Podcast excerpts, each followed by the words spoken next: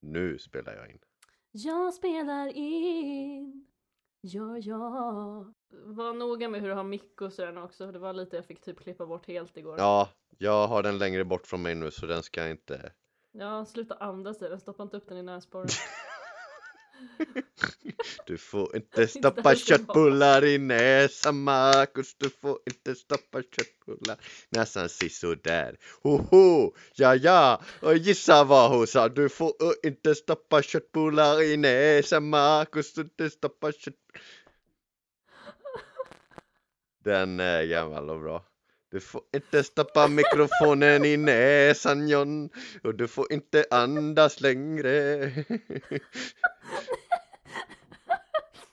Nej, bara inte andas direkt i mikrofonen. Jag ska bara sluta andas. Sara bara Go, go die! Fast på ett snällare sätt. Sluta andas! sluta i mikrofonen. ja. Ja! Så slipper jag klippa bort så.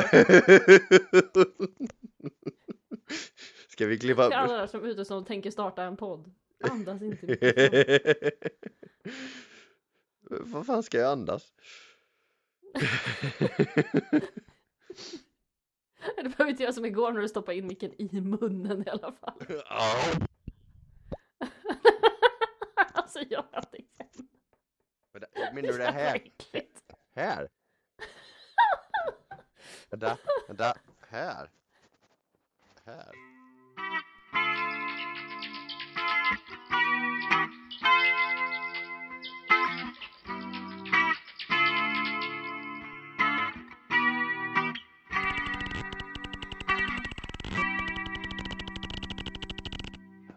Hej allihopa! Välkomna till Etologiskt med mig eh, John.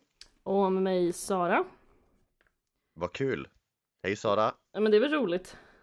Ja, mm. vad, vad, vad ska vi prata om idag Sara? Eh, vi ska fortsätta lite på det här som vi påbörjade lite förra gången med eh, etik och moral och gå vidare lite i det här vi pratade om vad vi vem, vem och vad vi tillskriver moralisk status och typ varför. Ja, vi ska alltså gå bort från de etiska teorierna och mer fokusera på vilka som ingår i eller vilka vi behandlar utifrån de etiska teorierna. Ja men typ så. Ja. Eh, nej men lite fundera över vilka livsformer i stort sett vi tillskriver någon form av moralisk status och vad vi, grund, vad vi grundar det på. Eh, Precis. Vi pratade lite förra veckan om att vi lite anser de djur som är mer intelligenta mm. vara mer värda att skydda än andra djur. Mm. Och sen så hade vi Peter Singer som då hävdade att eh, det ska vara utefter förmågan att kunna lida, inte efter ja. hur smart man är. Nej, precis. Och det är ju bra för oss som kanske inte är så jättesmarta. Om vi skulle bedöma människor bara efter värde på hur smart man var. Ska vi få reda på idag då om eh, vilka alla de djur är som kan lida då? Nej. Nej. Jaså? Vad fan tror du? Nej. Det är sant. Nej, jag, jag menar mest också att det var en bra tur, tur för oss att vi inte bara bedömer människors värde efter hur smart man är för att du och jag Nej. hamnar ju någonstans i mitten på normalfördelningsskalan kanske. Om vi har tur. Ja, under du över. Under normalfördelning. jag tänkte säga mitt på normalfördelningsstrecket. Nej okej, lite ja, lite under kanske. Men mm. jag, jag har faktiskt, eh, jag har intelligens fast jag är långsam. Ja. Ja. Okej, okay, sure. Så, ja, precis. Det, jag har diagnos på det, so it's cool.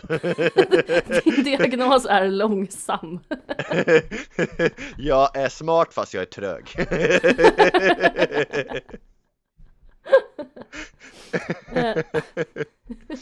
ja, men vi pratade väl lite om det förra gången redan att eh, för att kunna lida så måste man ju ha någon form av medveten upplevelse.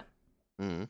Vi pratade om de här eh, forskarna som ville hävda att fisk kanske inte hade någon medveten upplevelse även fast de svarade rent fysiologiskt på stimuli som man kan anta var smärtfullt och sådär. Mm. Men att man inte ville tillskriva dem något medvetande på absolut egentligen ingen grund alls eftersom vi inte vet vad medvetande är ens en gång. Nej, precis. Vad är medvetande då? Nej men det vet vi inte. Men eh, det, det måste ju finnas något. Eller? Alltså vi vet att vi är medvetna. Som sagt, det sa jag väl också förra gången att det enda kan vi kan vara Ja. helt säkra på är att man själv är medveten. Ja, men om jag är ute på ett fält, är jag själv medveten då?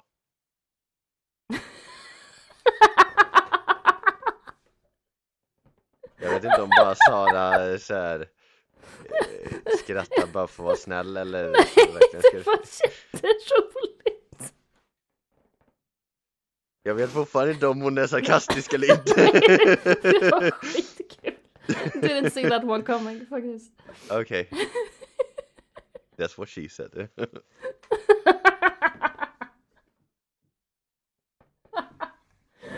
Självmedveten. Jag tror Sara är lite för trött idag. Nej, jag skojar. Mm, Kanske. Nej då, men eh, jag förstår. Det, medvetande är väldigt svårt. Du har sabbat det ordet för mig. Medveten. Medveten. Eh, ja, nej men ja, medvetande ska vi ge oss in på och prata om. Eh, och, ja, vi kommer Ja, inte komma fram till vad det är för att det är ingen som vet. Nej, Och hur det uppstår Nej. är ingen som vet.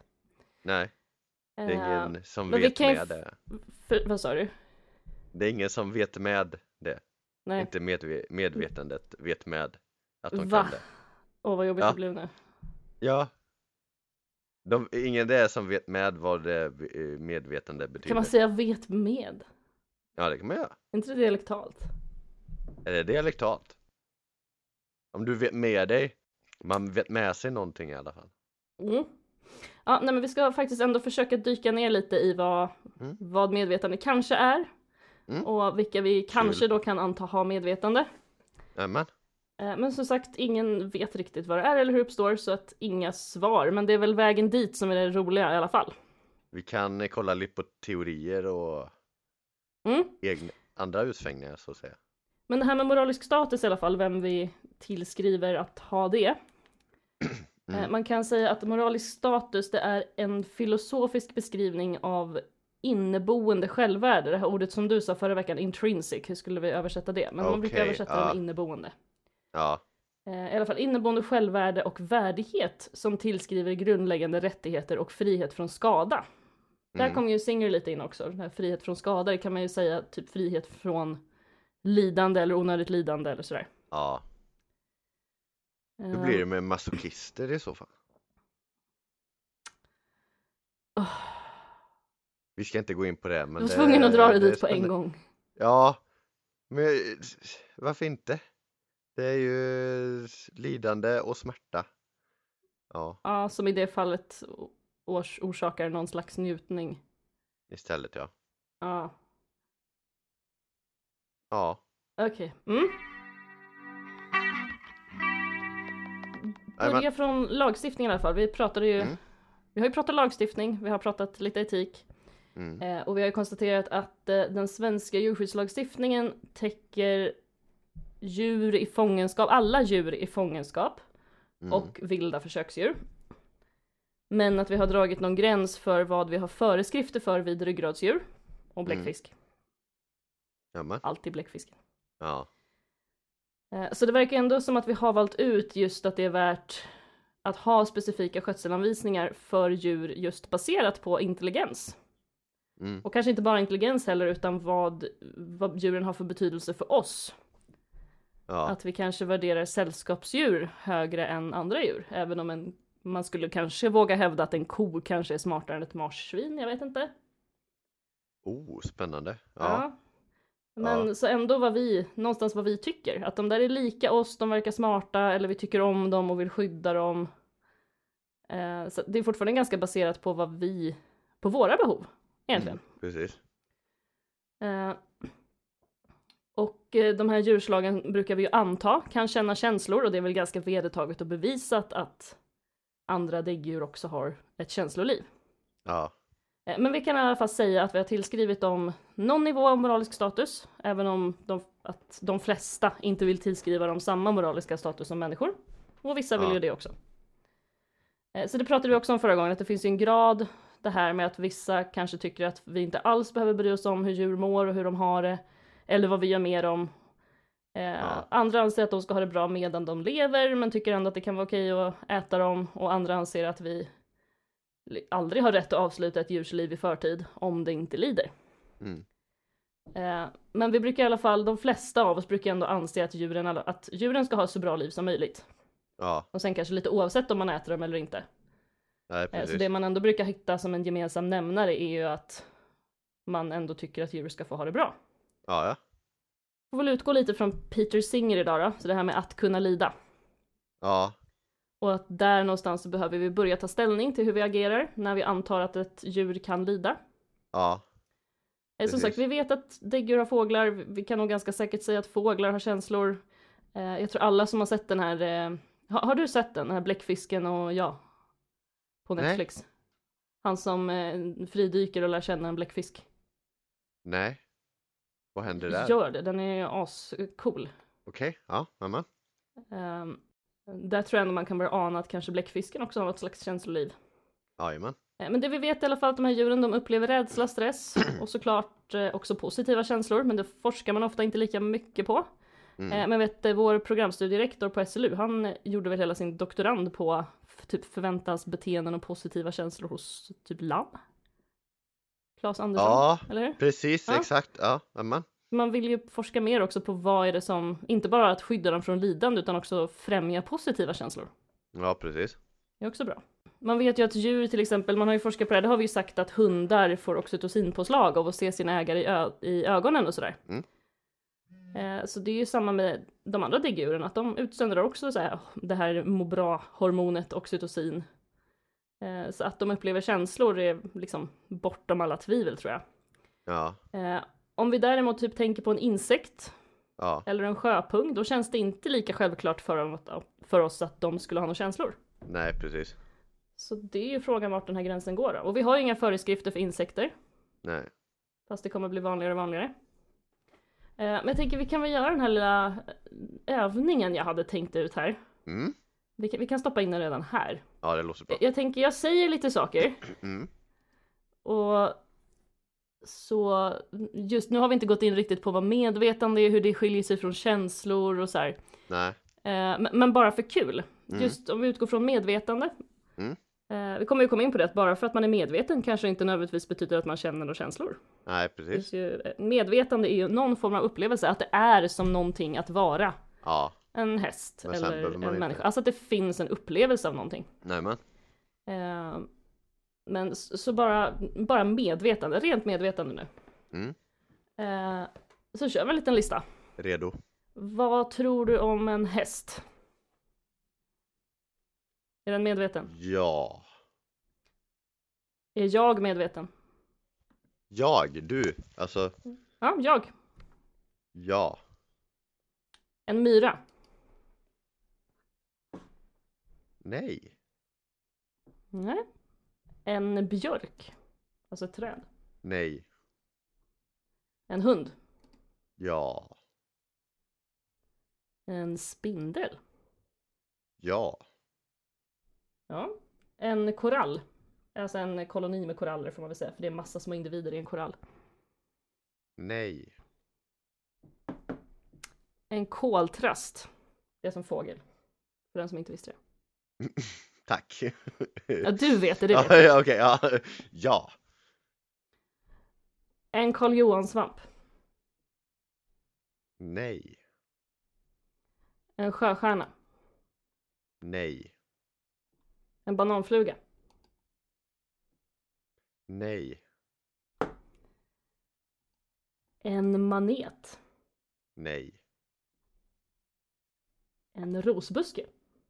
Nej. Ett svampdjur. Alltså en sån här tvättsvamp. Nej. Förutom, eh, vad heter han? Eh, Svampbob. Svampbob. Ja, precis. Okej, svampbob är medveten. Fyrkant, svampbob, fyrkant. Ja, Så här verkar det gå någon gräns vid Myra var nej, men spindeln var ja. Det tycker Mm. jag var lite intressant. Nu var det ju bara helt spontant. Ja, John var inte förberedd riktigt på den här listan. nej, precis. Så det var ju bara på ren intuition rakt av. Ja, Och det vill jag minnas från något väldigt tidigt avsnitt. Att vi påpekade att, att jag påpekade att spindeln inte var en insekt. mm, precis. Eh, var det det du hade i åtanke när du tyckte myran är inte medveten men spindeln är den? Nej, jag tänker mer så här överlag hur myrorna är mer arbetare. Och inte riktigt så här liknande rovdjur så att säga som en spindel. Mm, intressant. Tänker jag för att eh, de eh, myrorna ingår oftast i en koloni. Tänker jag. Till skillnad mot Då har man spindlar. massa typ sociala skills då. Om man ingår i en koloni. Fast det har de ju löst liksom bin, vilket jag inte heller tror riktigt medvetande då. Utifrån det. Eh, alltså när det kommer till honung och det är liksom att de eh, gör olika ljud eller eh, har vissa inlärda så att säga eh, hjälpmedel eller signaler för att kunna ta sig fram eller inte de är instinktiva danserna. Precis. Det är det jag menar, instinktiva. Mm. Det är ingen som kan säga rätt eller fel, för ingen vet. Nej, precis. Eh, men vad gällde dig i alla fall då, så verkar alla ryggradsdjuren vara var ja. Ja, Jag tog inte med fisk nu, för det visste jag att vi redan skulle ha diskuterat. Så där Ja, hade du precis. bara ja! Eftersom Ja. vi satt och argumenterade med det förra gången. ja, Eh, men inte korallen, som har sett ett litet levande nässeldjur. Den är nära släkt med maneten, den står också nej på. ja, Eh, så någonstans där vid ryggradsdjuren, fast spindeln var också med där. Bläckfisk Mm. tog jag inte heller med nu, för att det hade Nej. också så här. Ja, Ja. för det har vi typ pratat om. ja, precis. Eh, så ryggradsdjur och av någon anledning också spindel slank med där. Ja. Spindel, ja. Jag är på gränsen mellan spindel där, men mest ja. Mm, det var ändå lite intressant. Jag testade, min, jag testade det här när jag började skriva manus och testade jag det här på min pojkvän. Mm. Faktiskt. Mm. Eh, ni hade Var det- lite olika svar ändå faktiskt. Vi hade det? Ja, han tyckte myran var medveten också. Okej.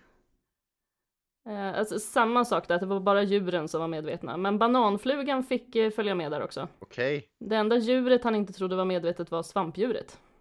Mm. Alltså svampbob. Fast och sådär. Som sitter och filtrerar näring ur vattnet utan, Utan ett byxor och... centralt nervsystem. Eller knappt ett nervsystem alls. Ja, precis. Annars var det ju ganska lika. Och det är väl här Ja. någonstans intuitionen brukar landa. Att vid insekter börjar man bli osäker. Mm. Men och alltså, vid sådana här typ leddjur så börjar man bli osäker. men utifrån mina åsikter då, då är alltså Svampbob och Patrik inte medvetna, men det är, eh, vad heter han, Bläckvard? Blackford. Ja, Plankton tror jag inte jag är medveten Nej. om. Han där Krabban. lilla. Krabb. Han som äger restaurangen. Ja. ja. Mm, ja. Kanske. Men ja, sjöstjärna hade jag ju med. Svampdjur hade jag med. Så ja, nej, Patrik och Svampbob är tydligen bara instinkt och autonomi. Sa- Sandy då? Hon är säkert medveten. Eh, Ekorren? Ja, Ja, men det hade väl både du och Johan svarat ja på med Ja. häst och hund och så här med Ja. däggdjuren. precis. Ja, nej, men jag tror de flestas intuition brukar nog landa där. Mm, Någonstans, att där börjar man bli osäker. mm. Spännande. Eh, Det är intressant. Ja, ja. Eh, Det är där vi börjar få svårt att relatera. Det kan ju hända någon dag när vi kommer på vad medvetenhet faktiskt, eller medvetande är. Att ja. man bevisar snabbt sen att insekter också har en upplevelse.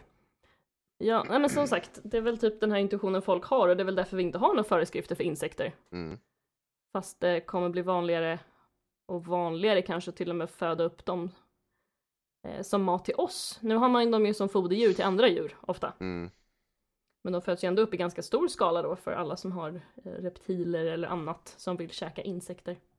Ja, precis. Eh, Men ja, vi var också inne lite på det här med att okej, in- djur som vi gillar, som vi kan relatera till, som uppvisar intelligens Mm. eller som vi tycker är söta och gulliga. Mm, Eh, däremot tycker jag också man kan, man kan ju se en ganska tydlig tendens då att det är typ i lagstiftningen att vi värderar djurparksdjur och sällskapsdjur Mm. ganska högt. Nämen.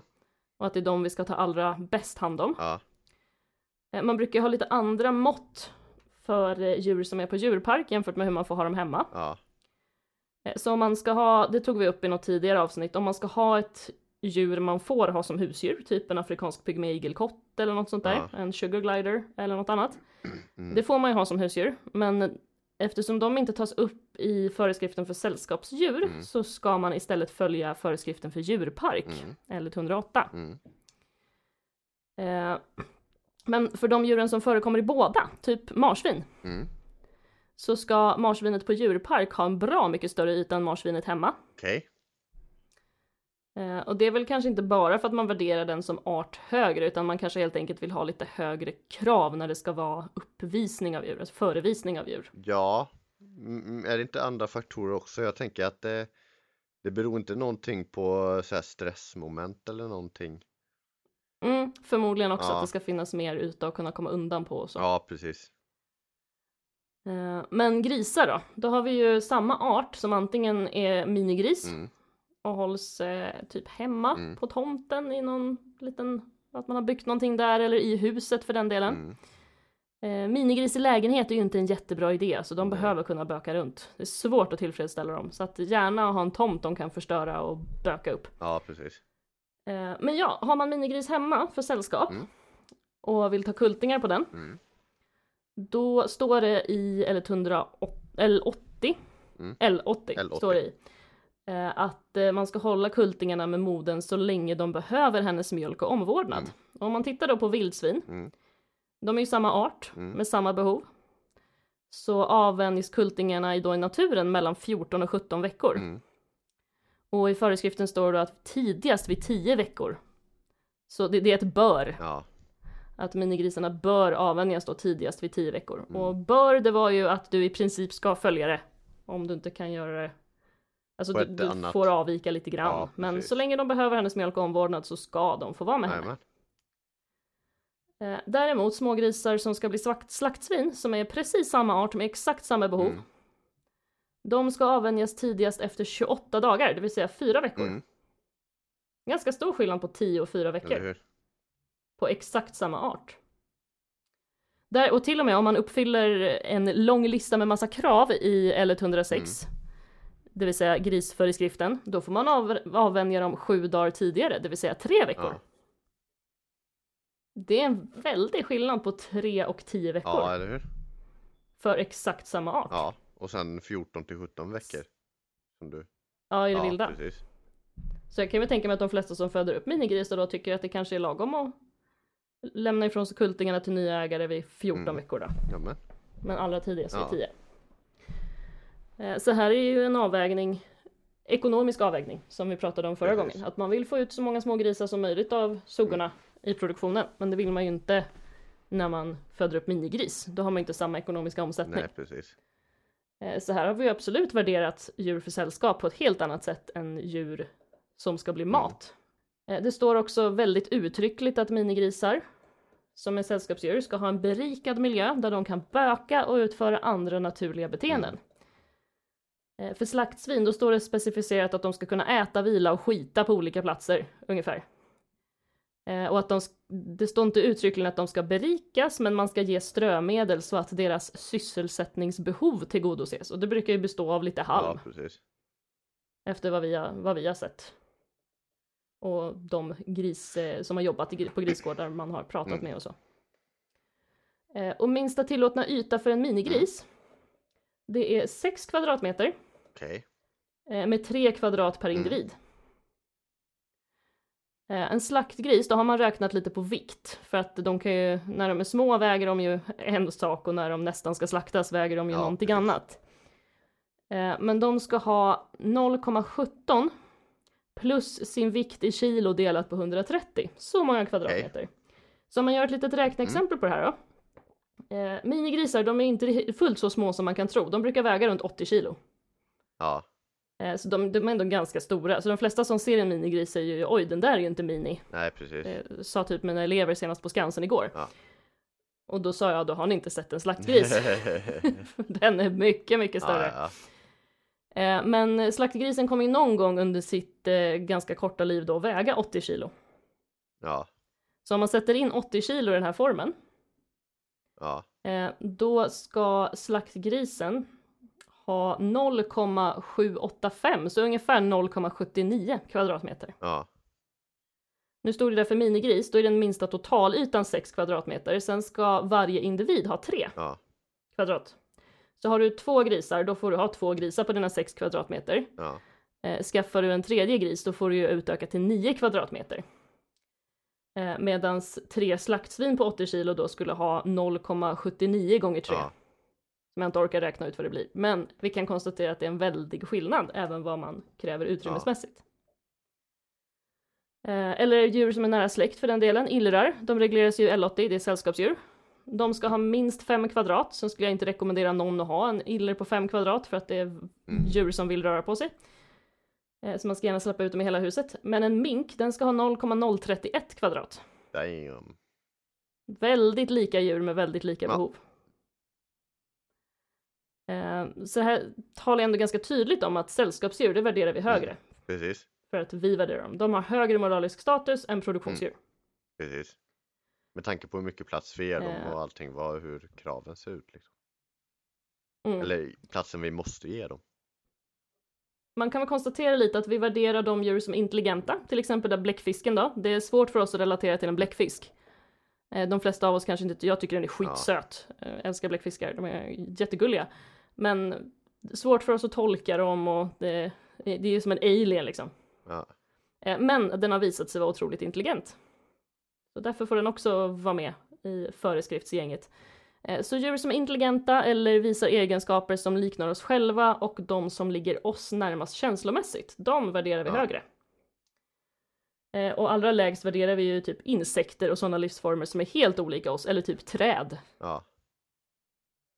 Det är också en Ja. livsform, även om de flesta av oss skulle nog chansa på att det inte är medvetet. Mm. Men ja, så det är lite sådär, ju längre bort vi kommer från oss själva på typ livets träd, evolutionära trädet, med Mm. undantag av bläckfisken, desto mindre värde tillskriver vi Mm. andra livsformer. Så det här med att kunna tänka och känna och känna känslor verkar vara väldigt viktigt för oss. Och vi har såklart lättast att relatera till andra däggdjur, Ja. kanske till fåglar.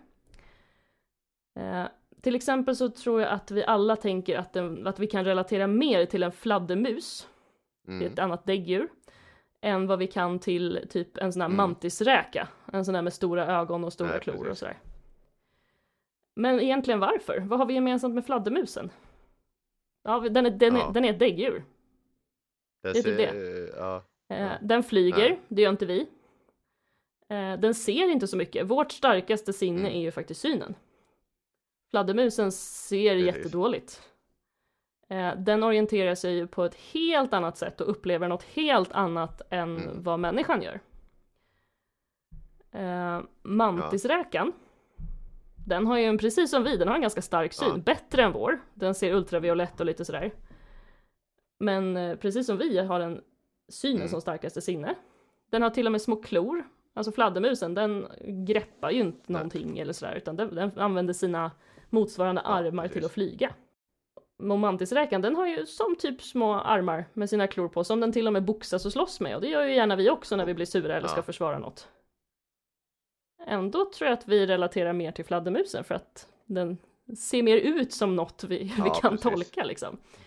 Eh, Men fladdermusen, den ser ju inte världen, utan den ser, kan man ju säga, upplever världen genom att skicka ut ljud som sen Ja. studsar tillbaka. Det finns det ingen Nej. människa som har upplevt. Det finns ju absolut ekolodsapparater, vi har ju ekolod i ubåtar och sådär, men det finns ingen människa som har kopplat ihop det Nej. med sin hjärna. Nej, precis.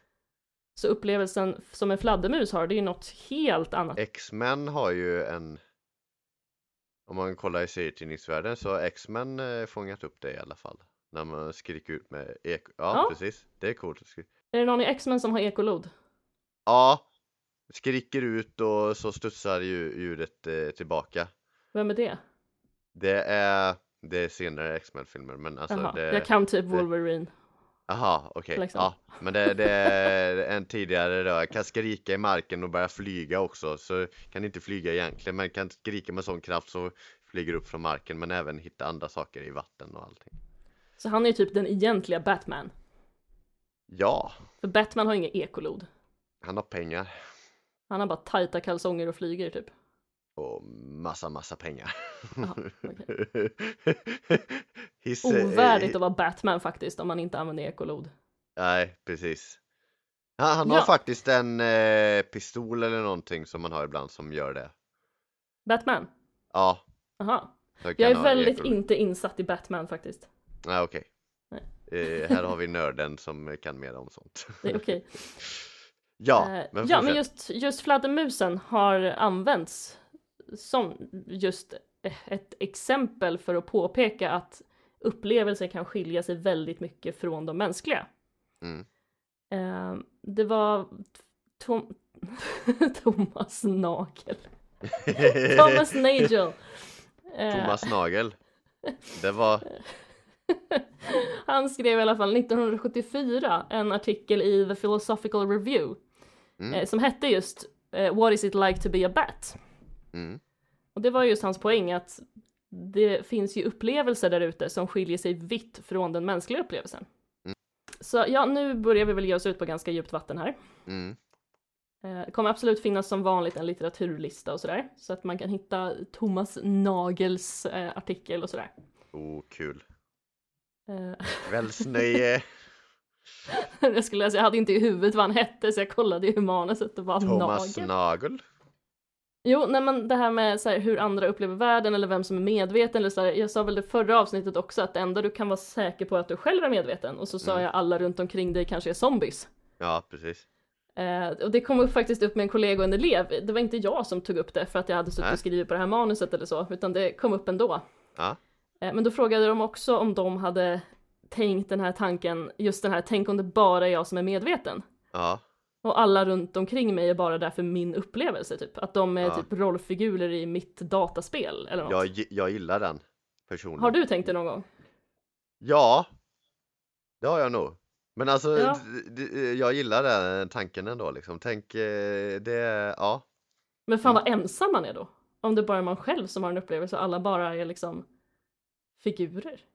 Ja. Men eh, alltså, det- man lär ju sig att hantera det liksom då. och Då kan man ju ha vänner ändå liksom. Men man är inte, man är ensam kanske utifrån andras ögon då. Utifrån vad, men vi är ju bara figurer så att säga. Det är ju lite som, vad heter det? Fast Eh, andras ögon, det här skulle ju liksom vara så att ingen annan är medveten, de bara existerar i din värld. ja, Då är det bara precis. du som har en upplevelse. Ja, men eh, hur ska den veta det då? Som är den som är medveten med sig själv. Ja men precis, du kan ju bara veta att du själv är medveten. Ja, Det är allt du kan vara riktigt säker Men, på. Det, den ena eh, eleven tyckte i alla fall det här var lite, bara sluta prata om det här, det här var ju läskigt. Men Truman Show, den är ju bra. När jag gör en ja, tv-show jag, på har, hans jag har liv. förstått att det är något jag borde se. Okej, detta är Ja. hemskt, Sara har inte sett. Truman Show. Eh, Jag, Men jag frågade ju såklart Johan om det här också. Så har du tänkt Mm. det någon gång? Mm. Nej, det har jag aldrig tänkt. Nej. Nej, hans värsta rädsla är ju att vara i vägen för andra människor. Så att, Ja. ja, fair enough. Ja, Inte lika självcentrerad som en annan då. nej.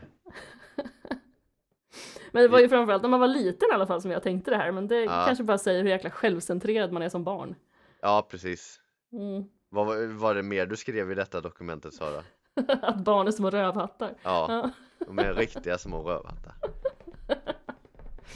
Så ja, det enda man kan, egentligen kan vara riktigt säker på det är att man själv är medveten och upplever något. Mm. Eh, Allt annat skulle ju kunna vara en illusion, typ The Matrix. Eller The Truman Show. Eller, okej jag måste se The Truman Show. Ja. Jag, hör, jag hör det. Mm. Ja. Eh, Men jag tänkte däremot på ett eh, Star Trek-avsnitt från Next Generation, typ 80-tal. Jajamän. Eh, spoiler alert då, Men annars man får väl spola fram lite. inte, inte för eh, något på 80-talet. Inte något på 80-talet. Den är alla Ja, fall men det 80-tal. finns väl folk som inte har sett Star Trek Next Generation? Eller? Spoiler alert går över efter eh, typ 10 år från det släpptes så nej. Ja, fast det är en sjukt bra serie, så Ja, ja, spoiler ja. alert ändå. Ah, ja. Eh, Men i Next Gen i alla fall, då finns det en eh, karaktär som heter Commander Data som är en Han är Android. faktiskt eh, Lieutenant Commander. Ja, Lieutenant Commander är han faktiskt, det har du rätt i. Ja, Eh, Han är i alla fall en Android. ja, eh, som smälter in rätt bra. Han vill ju försöka förstå människor Mm. och sådär. Och han har inga känslor, men han verkar ändå uppleva något. Apropå det här att det kan finnas upplevelser som är väldigt vitt skilda från oss. mm, Eh, det är klart att man måste vara medveten för att kunna ha, uppleva känslor. mm, Eh, men man måste inte ha känslor för att kunna uppleva något. Det finns ju andra upplevelser. Så han Amen. eh, upplever ju massa andra saker utan att egentligen känna. Mm. Eh, Men i ett avsnitt så är det i alla fall en forskare då i Starfleet som vill plocka isär honom för att lära Mm. sig hur man gör fler. Mm. Och då måste han ta all information från den här androiden och ladda ner i en annan dator. Mm. Eh, och Command- Lieutenant Commander Data uttrycker det då som att han vill inte det här. Nej. För att essensen av minnena kanske försvinner. Mm. Eh, och att det här inte är tillräckligt liksom, utvecklat och bra. Men Mm. här, kanske i framtiden om du fortsätter din forskning. Mm. Men det leder i alla fall till slut till en rättegång där det ska bestämmas om han har rätt att bestämma över sig själv. Mm. Eftersom han är en android. Mm. Eller om han då är egendom och ska Mm. tvingas gå igenom det här. Mm. Eh, och hans kapten då, eh, Jean-Luc Picard, vill ju försvara honom. Även eh, Charles Xavier. Ja, precis, apropå X-Men. Samma skådis. Jajamän. Eh, Men han använder just det här argumentet eh, till eh, han som är typ motsvarande åklagare då och säger bevisa att jag är medveten. Mm. Och så, men det är klart du är medveten. Ja, men bevisa det då. Mm. Hur vet du att jag är det? Ja. Som en poäng då att hur ska vi kunna säga att Data inte är medveten? Precis som hur Nej. ska vi kunna säga att fisken inte är medveten? När, vi inte ens kan bevisa, när jag inte ens kan bevisa att John är medveten. Nej. För vi vet inte vad det är. Ja, precis. Så jag tycker att vi kan använda lite samma argument när vi då funderar på vilka andra livsformer vi ska ta hänsyn till. Mm. Att eh, finns det potential, potential där för att det kan lida så kanske vi ska förutsätta att vi bör vara lite försiktiga och kanske ta hänsyn. Nej, precis. Eh, Sen är ju frågan om AI till slut utvecklar medvetande då. Och det faktiskt finns androider sen. Ja. De Vad heter den kommit- andra serien som man borde se om det här nöjesfältet med androider? Va? Westworld. Ja! Westworld. Jag har inte heller Den sett, jag har fattat att jag bra. borde se det. Den är bra. Eh, Men ja, Och men det är äkta, himla... äkta människor också. Oh, det, Ja, det är en det. svensk Det serie. finns ju mycket på det här temat nu. Den är väldigt bra. De har kommit väldigt långt med den där AI nu alltså. Det är väldigt läskigt. Mm. Tyvärr använder just de den- till sexdockor dock. Men... Frågan om AI tar över världen och utvecklar medvetande och sådär tycker jag vi kan lämna till typ Nick Boström och Max Ja, Tegmark och Det bra. andra som vet mer. Det låter bra. Eh, Och växter kan vi också lite lämna därhän. Mm. Eh, och så håller vi oss till djur, för det är ändå etologiskt. Vi brukar inte prata om så mycket beteenden på växter, fast de har beteenden. Mm. Så lite kort bara, kan jag få nämna i en mening, Mm. att växter också reagerar på omgivningen. Mm. De samarbetar, skickar näring till varandra, Oh, både mellan eh, individer och av samma arter, olika arter som samarbetar. Varningssignaler genom, också. Genom mykorrhiza-nätverk, Mm. alltså mycelial network, Mm. som i eh, Star Trek Discovery, fast i rymden. Mm. När det är så här, universums mycelial network. Ja, jätteflummigt. Det är fantastiskt. Och nu försöker John göra Spock-hälsningen här. Spock. Jag är skitdålig på det här alltså. Eh, Men ja, och eh, alltså akacior till exempel, om en giraff börjar käka på en akacia Mm. Så sänder den ut saker som varnar de andra akacierna så att de börjar tillverka så här bittra ämnen så att giraffen inte ska vilja käka på dem. Mm.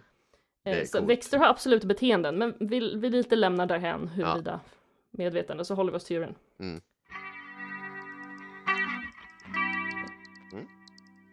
Eh, Men man kan ju fråga sig då, vad, om vi nu tror, har forskare som tror att fiskar inte har medveten, att fiskar då inte har medveten utan att de bara reagerar på saker som händer i omgivningen utan att ha någon medveten upplevelse. Mm. Då kan man ju fråga sig, vad har medvetande för funktion då? Varför skulle vi ha det men inte de? Ja. Eh, och det här är väl inte heller någon som har ett sådär fullständigt svar på, men det skulle kunna vara så. Mm. Eh, att, alltså vi skulle ju kunna utvecklats till exakt samma kroppar, förmåga att reagera på omgivning och överleva utan att det fanns något medvetet, att det inte fanns någon hemma liksom. Mm. Så, lite så som vi antar att eh, typ dagens AI och robotar fungerar. Mm. Som de också antog i Star Trek att data fungerar, att, fast det finns ju ingen där, det är ju bara algoritmer liksom. Ja. Eh, Så det finns ju just där att bara du skulle vara medveten. Det finns ju ett annat känt tankeexperiment då från David Chalmers Mm. om den filosofiska zombien. Okej. Just det här att vårt nervsystem reagerar ju på plötsliga ljud innan det når medvetandet. Ja. Typ lägga handen på varm platta. Du har Mm. ryckt bort handen långt innan du är medveten om att du har gjort det illa och reagerat på det. Mm. Eh, senast när jag skrev det här manuset så var det där ganska uppenbart för mig, för jag var skitstressad där i en period. Mm. Eh, hade väl så blivit rädd för någonting som man var lite mer på helspänn och ryckte till för massa små saker som man såklart alltid blir medveten om först efteråt. Mm. Och ju mer man tänker på det, desto mer blir man medveten om att ja, just det, först någon sekund senare fattade jag vad som hade hänt. Mm. Eh, just i den här perioden så var det till och med så här att jag typ grävde in något i fickan och någon ärm ramlade ner Mm. och rörde lite och, och mitt Mhm. nervsystem bara ah farligt! Ja, Något rörde sig. så exakt. Och bara, men hallå, du grävde i jackan, du fattar att det kan röra på sig. Nej, nej, nej, mitt nervsystem var på helspänn. Jag vet inte, det är bättre nu, jag vet inte vad det där var för vecka alltså. samma sak när man är väldigt fokuserad på något arbete. Jag kommer ihåg när jag körde röjsåg någon gång. Mm. Och eh, jag såg eh, eh, vad jag trodde var en orm. Mm. För jag har sett väldigt många ormar där innan som jag eh, när jag körde röjsåg. Och då tänkte jag, det kommer säkert en orm här igen. Men så är det en pinne, jag hoppar till så in i bänken. Mm. Och bara shit! Bara, och så är det en pinne som ligger där. Så det, Mm. ja, Ja, just skepnaden orm verkar vara något väldigt djupt evolutionärt att vi ska reagera på. ja Det är typ precis. som när man lägger de här videorna när folk lägger gurkor bakom katter. Ja precis, ugg, snake, bad. och det är bara, det, det är reflexer. Mm. Så att vi skulle ju kunna överleva egentligen på reflexer. Ja precis. Eh, så rent hypotetiskt då enligt eh, David Chalmers, Ja. Så, så, tankeexperiment, han påstår inte att det är så här. Mm. Men då skulle det rent hypotetiskt kunna finnas en individ som reagerar på olika stimuli, Mm. precis som vilken annan människa som helst, men där det inte finns någon medveten upplevelse. Ja precis. Lite som den där tanken man hade som barn. Åh, tänk om bara jag är medveten. Ja. Eh, däremot en filosofisk zombie som man brukar kalla det här och den skulle inte ha så mycket ut av att utveckla känslor eller belöningssystem. Nej. Ehm, och det är lite att det når mot vårt medvetande och är trevligt som lite får oss att funka och så bilda vanor och grejer. Mm. Men det skulle man ju kunna göra utan en medveten upplevelse också. Ja precis. Eh, och många anser ju just att så här, med kaninöron på lägre stående djur Mm. och växter skulle fungera så här. Alltså när vi säger att eh, vi inte tror att då, myror eller spindlar eller någonting har ett medvetande, då är ju det de i princip små, ja inte filosofiska då, zombies, utan små zombies som bara reagerar på omgivningen utan att det finns någon hemma. Ja precis. Eh, tror vi. Men vi Mm. vet ju inte. Nej, är med. Eh, så en mänsklig zombie skulle ju kanske också kunna vara möjlig då om vi tycker att insekter skulle vara sådana här små zombies. Coolt. Mm. Ja för det, är- det är ju myrzombies. Det, det är ju Myrzombie. Ja men det finns ju de där, vad är det, en, svampen som gör att eh, myror tar självmord eller någonting. Mm, ja, det finns massa sådana äckliga parasiter Ja, som ändrar beteende så att de ska bli uppätna. ja, Ja, det finns ju någon, jag vet inte om det är svamp eller om det, eller om det är i leverflundrans livscykel kanske. just det, ja. Eh, kan vara full av skit nu. Mm. Eh, men någon liten parasit i alla fall som ju får myran att typ klättra upp högt på grässtrån så att Mm. den ska bli uppbetad. Ja, Eh, toxoplasma som finns hos katter ska Ja. ju stänga av eh, typ eh, rädsla för katter hos möss. ja, Eh, kan också påverka oss. ja, Man ska ju undvika att rensa kattlådor när man är gravid och så för att det kan påverka fostret. Men man har Ja. också sett lite effekt på människa mm, eh, av toxoplasma. mm, Eh, vi ska inte gräva oss djupare i det nu tror jag. nej, Ja, men vad medvetande skulle ha för, för evolutionär funktion eller sådär då. Mm. Eh, en eh, filosof eller forskare, jag får klippa ihop det sen när jag har kollat vad han var. jajamän, Eh, jo, men han är forskare, Carl Friston. Eh, han menar Okej. att eh, det skulle kunna handla om att maximera värdet på utkomsten av vårt beteende. mm, Alltså att det på något sätt eh, genom feedbacksystem och sådär ska hjälpa oss att eh, bibehålla homeostas, alltså när Mm. kroppen är i så bra balans det bara går. Och att det på något sätt skulle kunna hjälpa oss reagera på omgivningen. Men jag tänker just de här reflexerna, de händer ju innan vi är medvetna om dem. ja, Eh, så att det är väl andra sätt när, när saker hinner nå medvetandet då. Att man kan reagera på omgivningen på kanske mer komplicerade sätt. Eller ja, någonting. Men ja, någon funktion verkar det ju ha i alla fall eftersom vi är medvetna. jajamän, Eh, och så var det det här, just det, det har vi redan pratat lite om att, att man brukar blanda ihop eh, medvetande med att kunna tänka tankar och ha känslor. mm, Att det på något sätt skulle vara synonymt med medvetande. ja, Eh, så det här ska vi väl också försöka reda ut lite då. ja, Eh, och så dags att upprepa då att ingen vet hur medvetande uppstår. nej, Eh, därav den där filosofiska zombien. Ingen skulle kunna avgöra att det var det om den ser ut och beter sig precis som vilken annan människa som helst. Nej, precis. Vi brukar också, så- som, sagt, man skulle alltså kunna uppleva, vi kommer ta tankeexperiment på det sen också, att man skulle kunna uppleva något som inte är tankar Mm. eh, och något som inte har med känslor att göra heller. Ja. Eh, men vi brukar också blanda ihop medvetande med självmedvetenhet. Ja. Självmedveten. Haha, självmedveten. Ah. Eh, alltså att man, har, att man har känslan av ett jag. Mm. Eh, att jag är jag och jag är jag. Sådär. Och det uppvisar Och du han du. Commander Data i Star Trek också. Ja, Eh, och det här är ju faktiskt något som man har forskat på på flera djurslag. Eh, det här har vi hört många gånger, det här att man målar en prick i pannan på djuren och ger dem en spegel. Ah. Och så ser man om, man om de förstår att det är de i spegeln och försöker göra något åt den här pricken. Ja. Eh, och väldigt blandad grupp av djur, allt från elefanter till sprutfisk har klarat det här. Ja. Eh, och när sprutfisken klarade det här, jag tror det var kanske 2019, det kommer finnas referens till det här också, eh, så menade ju en del att det här underminerade hela metoden. Mm. Men eh, att, åh, om, det, det är klart att fisken inte kan klara det här. Eh, fast vi kanske snarare ska se det som att, fast vi kanske underskattar fisk ganska mycket. Ja. Eh, Men man har inte lyckats på hund, har man inte lyckats med det här. Men det är inte heller så visuellt djur. Apropå att vi och fladdermusen upplever helt olika världar. Ja. Eh, Så upplever vi och hunden ganska olika världar också. Ja. De ser ju, men det är inte deras starkaste sinne, utan det är ju lukten. Ja, precis. Eh, Så på dem har man istället med olika metoder sett om de känner igen sin egen doft och kan särskilja den från andra. Ja. Eh, Men bara de här testen skulle man också kunna göra ett helt eget avsnitt om, så det får vi väl se i framtiden. Mm. Absolut. Eh, Så vi lämnar dem lite där. Mm. Eh, Men just det här med självmedvetenhet då. Vi vet att det finns strukturer i hjärnan som bildar det som kallas Default Mode Network. Mm. Och det här är alltså ett nätverk i hjärnan som är som mest aktivt när vi fokuserar på oss själva. Ja. Och extra intressant då är att det är just det här nätverket i hjärnan är överaktivt på personer med depression. Ja. Eh, Så tänka för mycket på sig själv, och det gör man ju när man är deprimerad. Alltså, Mm. Vi, vi har väl varit där båda två. Ja. Eh, och vad man också har sett är att vid meditation så minskar aktiviteten här. Mm. Och även när vi håller på med saker utanför oss själva. Och det är väl det man ofta brukar säga, att nej, men jag gick helt upp i det där, eller så här, och att då mår man så himla bra, att man typ eftersträvar eh, de tillfällena när man bara glömmer omvärlden och glömmer sig själv. Ja. Eh, så det krävs alltså inte den här starka upplevelsen av ett tydligt jag för att man ska kunna uppleva heller. Nej. Utan vi har nog alla känt den där känslan när man nästan helt glömmer sig själv och bara går upp i någonting. Man Ja. har fortfarande en upplevelse. Precis. Eh, Så medvetandet verkar ju inte sitta i det här default mode network heller, utan bara självupptagenheten, Ja. typ. Eh, nej men så poängen var i alla fall att just det här självmedvetenhet, det här egot, Ja. eh, behöver inte vara synonymt med att vara medveten. Nej.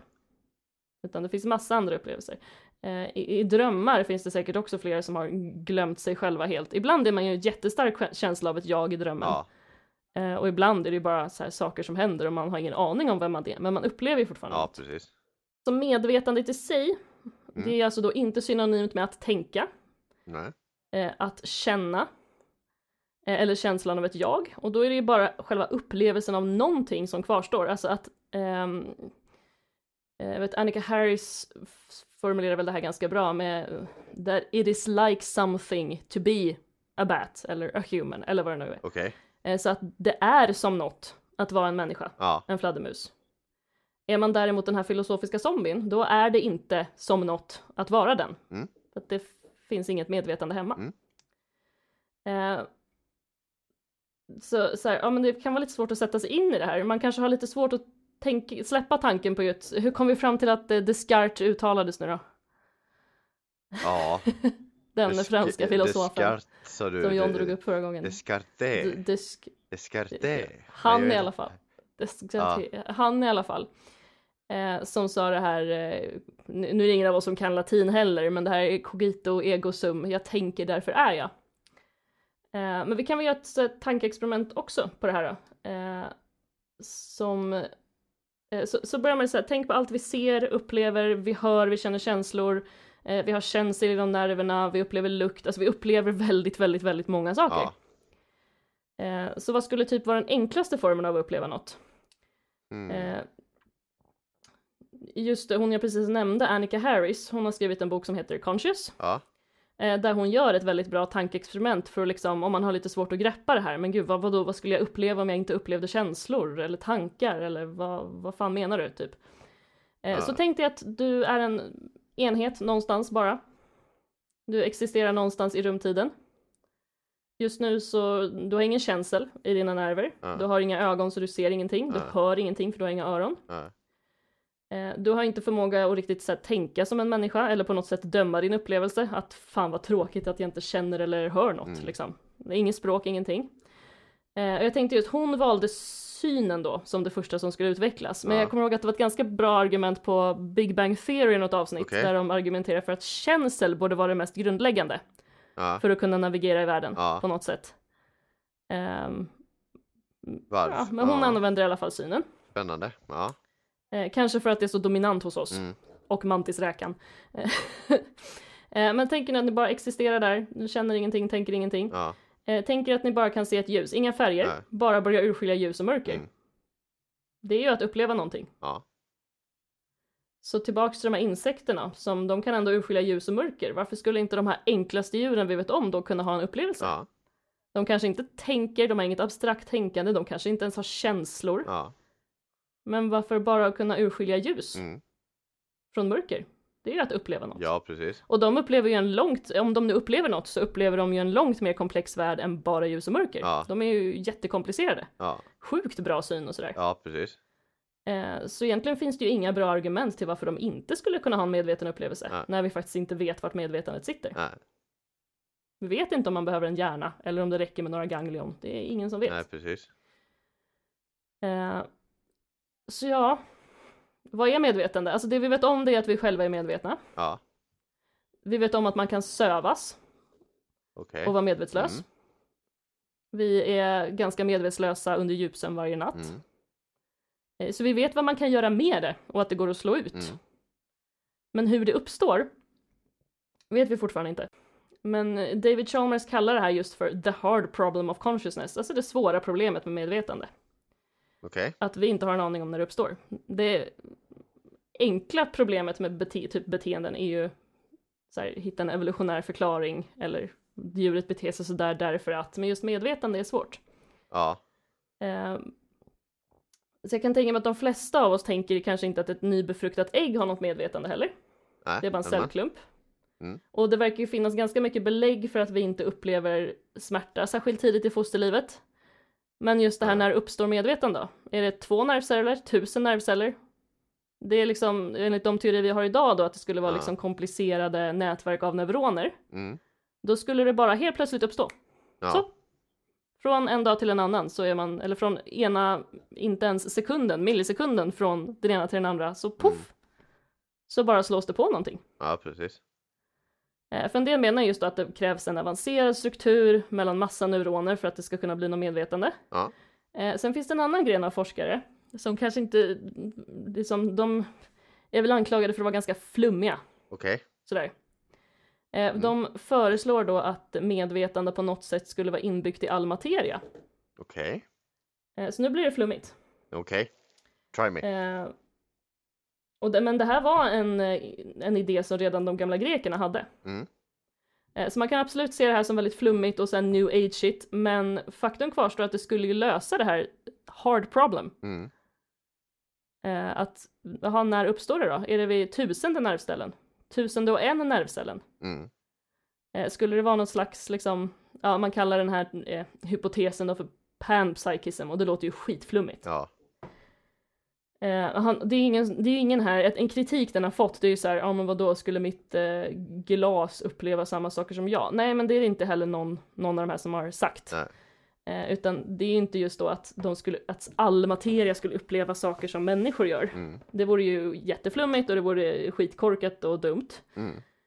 Eh, men David Chalmers till exempel menade då att medvetande i olika grader, det skulle kunna sträcka sig från sådana här microphenomenal experiences, Mm. alltså kanske ännu enklare än att kunna uppleva ljus och mörker, Mm. till macrophenomenal, så typ sättet vi upplever världen med massa sinnesintryck och tankar och känslor och logik och allt vad vi nu håller på med. Mm. Eh, så vi hade ju ganska kanske svårt att föreställa oss hur en fladdermus upplever världen. Mm. Då har vi såklart ännu svårare att tänka oss att så här, materia skulle ha någon form av rudimentär upplevelse. Mm. Eh, Men de förespråkare för den här hypotesen menar ju just att det är den enklaste lösningen på det svåra problemet. Och vi brukar ju gärna vilja leta efter de enklaste lösningarna, för det är liksom att det kan vara det som stämmer. Ja, precis. För just det här att vi kan inte säga att plötsligt uppstår vid den 711 nervcellen, pang, då är du medveten. Ehm, men ja, hur som helst, ing- ingen vet. Så att vi har ju forskare som hävdar allt, alltså båda ändar av spektrat. Ja, liksom. Eh, Så det blir ju intressant att se om man kommer fram till något mer under vår livstid Ja. ändå, tycker jag. Och just det här, skulle det vara vid den 711 nervcellen, ja. Ja, varför skulle det då inte kunna vara i den 711 kopplingen i en artificiell intelligenshjärna? Ja. Eh, Det är flummigt, Mm. men det är kul. Ja, vilket läge man själv befinner sig i? Nej, jag har inte läst på tillräckligt för att säga någonting. Jag bara upprepar vad andra tänkare, eller vad faktiska tänkare har sagt. Våra, Typ. eh, våra hjärnor Eh, sträcker oss inte sig så långt. Vi har inte så många hjärnceller nästan. Nej, vi har bara 711 hjärnceller där precis. kanske. Så att vi fick precis medvetande och inget. Vi är väldigt dumma då. Nej, men jag Ja. tycker det är intressant, även om vi är så här, ganska på djupt vatten och långt bort från Mm. där vi brukar vara, så jag tycker det här är så himla Jajamän. kul att läsa om. Men just det här om vi ska då försöka lista ut vilka djur vi behöver ta hänsyn till, om de kan Mm. lida eller inte. Då var det just lidandet som spelar Ja, roll. precis. Ja, tyckte vi. Att man kanske inte ska dra gränsen vid att uppleva ljus och mörker Nej. liksom. Ja, nej men lite så här sammanfattningsvis, så hela poängen med det här var väl just att vi kan vara lite medvetna i lagstiftningen att vi har en väldigt antropocentrisk syn, alltså människocentrerad syn. Mm. Att eh, ju mer lika oss, eller ju mer de betyder känslomässigt, desto mer skydd tycker vi att djuren förtjänar. Mm. Eh, Men vad vi och vår självcentrerade syn och vad vi tycker verkar logiskt, det behöver ju faktiskt inte stämma överens med hur saker faktiskt är. nej, precis. En manet kanske har jättemycket upplevelser. Ja. Den kanske visst upplever smärta. Mm. Och precis som att det inte finns egentligen något, eh, ha- har man, det här är ju också väldigt på hobbynivå, men att läsa på lite på hobbynivå om kvantmekanik är ju skitroligt. ja, Tycker precis. jag. Jajamän. Eh, nej men och det roliga är ju just att det finns ju inget i vår intuition som säger att det är logiskt. Mm. Till exempel som det här double slit experiment, eh, dubbelspring-experimentet, att en foton Ja, typ bestämmer sig ju för vilken av två öppningar den tar sig igenom först när vi observerar den. Annars är det bara en så här interferens, en vågrörelse. ja, precis. Och det är ju inte logiskt. Hur kan den vara en våg och en eh, partikel på samma gång? Liksom? Nej. Det är inte alls logiskt. Ja. Eh, Att tiden är relativ är ju inte heller logiskt, även om vi vet det. Mm. Så är det svårt att känna intuitivt att om du rör dig snabbare så går tiden lite långsammare för dig. Det är ju inte intuitivt. Nej, precis. Sen handlar det om jätte, jätte, jättesmå tidsskillnader, men ändå. Ja, Så om man nu tycker att så här panpsychism och allting sånt är skitflummigt, Mm. för att det är det. Mm. precis. Eh, men så här, och att det känns mer logiskt att jo men vid den eh, 711 nervcellen, där händer det liksom. Vi Mm. vill gärna hitta sådana förklaringar. Eh, men det finns ju inget som säger att det här hur medvetande uppstår, det kanske precis som kvantmekaniken är precis lika konstigt enligt vår intuition. Mm. Eh, jag tycker Neil deGrasse Tyson brukar säga det ganska ofta, Ja. en astrofysiker, att eh, the universe is under no obligation to make sense to you. Nej, precis. Att bara för att vi tycker att något är logiskt så är liksom inte universum skyldigt att vara logiskt. Nej, nej, nej. Kan, man måste arbeta för liksom, det, det kan inte bara ge en saker, då hade man varit bortskämd. Eh, nej men så att vi kanske ska vara lite ödmjuka även inför våra lite lägre stående livsformer sådär. Alla våra lyssnare då alltså. Nej, jag menar inte det. Ja, det var du i förra avsnittet som sa att du var en eh, great thinker. Ja, det är du och Descartes. Nej, jag, jag läste Descartes vad man säger, och- Descartes säger man. Descartes. Descartes. Ja men fast det är inte det en väldigt engelsk, engelskifer, engelskfierad version? Det kanske det är. Hur säger man eh, på franska då? Ska du inte skriva in det på google så vi lär oss det här nu? Nej, nej, Descartes. Brittiskt uttal, men va? Du måste ha franskt uttal. Descartes. Va? Descartes. Okej. Descartes på engelska, men Descartes. Det lät som, Italienska. det lät mer som italienska. Ska typ. René. Descartes. René Descartes. De, Descartes. Descartes. De, de, Descartes. Är det tyst S? Ja. Båda är tysta. Descartes. Kan vi inte, kan vi inte bara köra det rent på svenska? Descartes. Descartes. René, René Descartes. Rene Descartes. Eh, Men sammanfattningsvis i avsnittet då, vad har vi sagt? Vi har sagt att vi, ingen vet vad medvetande Nej. är och hur det uppstår. Att teorierna är spridda från eh, panpsychism, att materia i sig har någon form av Rudimentär. enkelt rudimentärt medvetande till att det kanske behövs jättekomplexa nätverk Mm. av neuroner eller varför inte kopplingar i en AI-hjärna som sen tar Mm. över världen.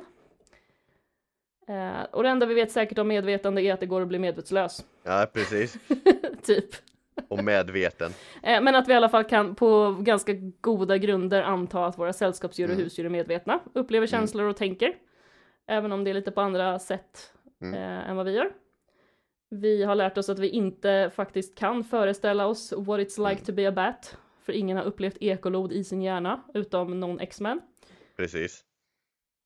Eh, och vi vet också att vi har format lagstiftningen då ganska mycket. Alltså självklart efter vad man har forskat på att djuren behöver. Mm. Men vi har ju valt vilka djur vi har forskat på. Mm. Och skrivit föreskrifter utifrån dem där vi har tyckt att det känns bra också för oss själva. Mm. Precis. Men det här avrundar vi lite då. Mm. Från etiken in i moralisk status, in i medvetande. Självmedveten. In i lite enkel kvantfysik Ja. som vi inte kan ett skit om. Nej, precis. Men ja, Men eh, jag tycker vi får med allt ändå som vi kan ändå liksom. Det, det är väldigt svårt.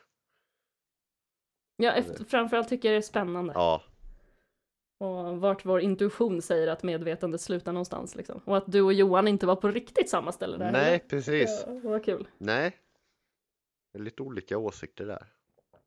Jag ska prova den här på mina elever tror jag. Gör det. Vilka har medvetande? Ja. Eh, Jag brukar faktiskt ha en liten sån i trean, att jag drar in det i någon uppgift så här. Ja. Just vart tror du gränsen för medvetande går? Ja. Eh, vissa har så här jättekorta svar och bara här, stensäkra, typ vid insekter någonstans brukar det vara. Mm. Eh, andra blir lite mer att de faktiskt problematiserar och bara nej men gud jag har ingen aning. Nej, Nej. det var det som var poängen för du har ingen annan heller. Men sä- sätt så att är, du får poäng för varje rätt svar och så eh, sätter du in denna i ett prov. När det inte Vilket- finns. ett Nej, precis. Och så det, det rätta svaret är vi vet inte vad medvetande är. Mm. Oh, mindblown de skulle vara. Ja, eller hur? Oh, Nej, yes. ska Jag får göra en fråga till nästa prov du ska ha på dem. Mm, nej, Nej. vad skulle det vara? Ja, just denna frågan.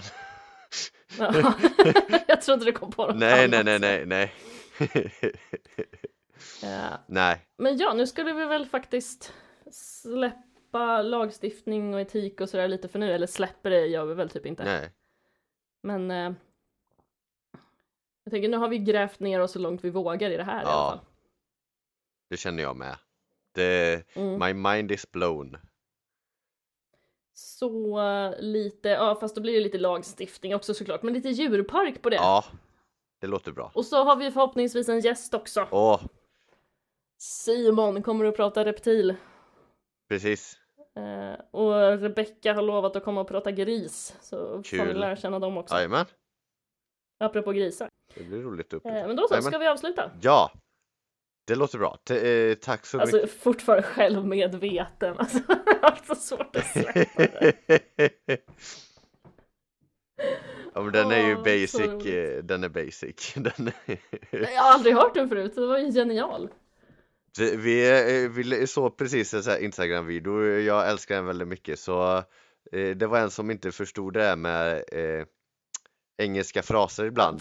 Så- Det här är svårt att återberätta kanske. Ja, det är svårt att återberätta men eh, det var en som skulle säga see you later alligator men så var det en som inte förstod det riktigt så bara bye bye horse. Så istället för idag eh, när jag ska säga kolugnt så säger jag bye bye horse. inte lika bra. Nej, det är inte lika bra. Men eh, ta det kolugnt och see you later alligator och bye bye horse.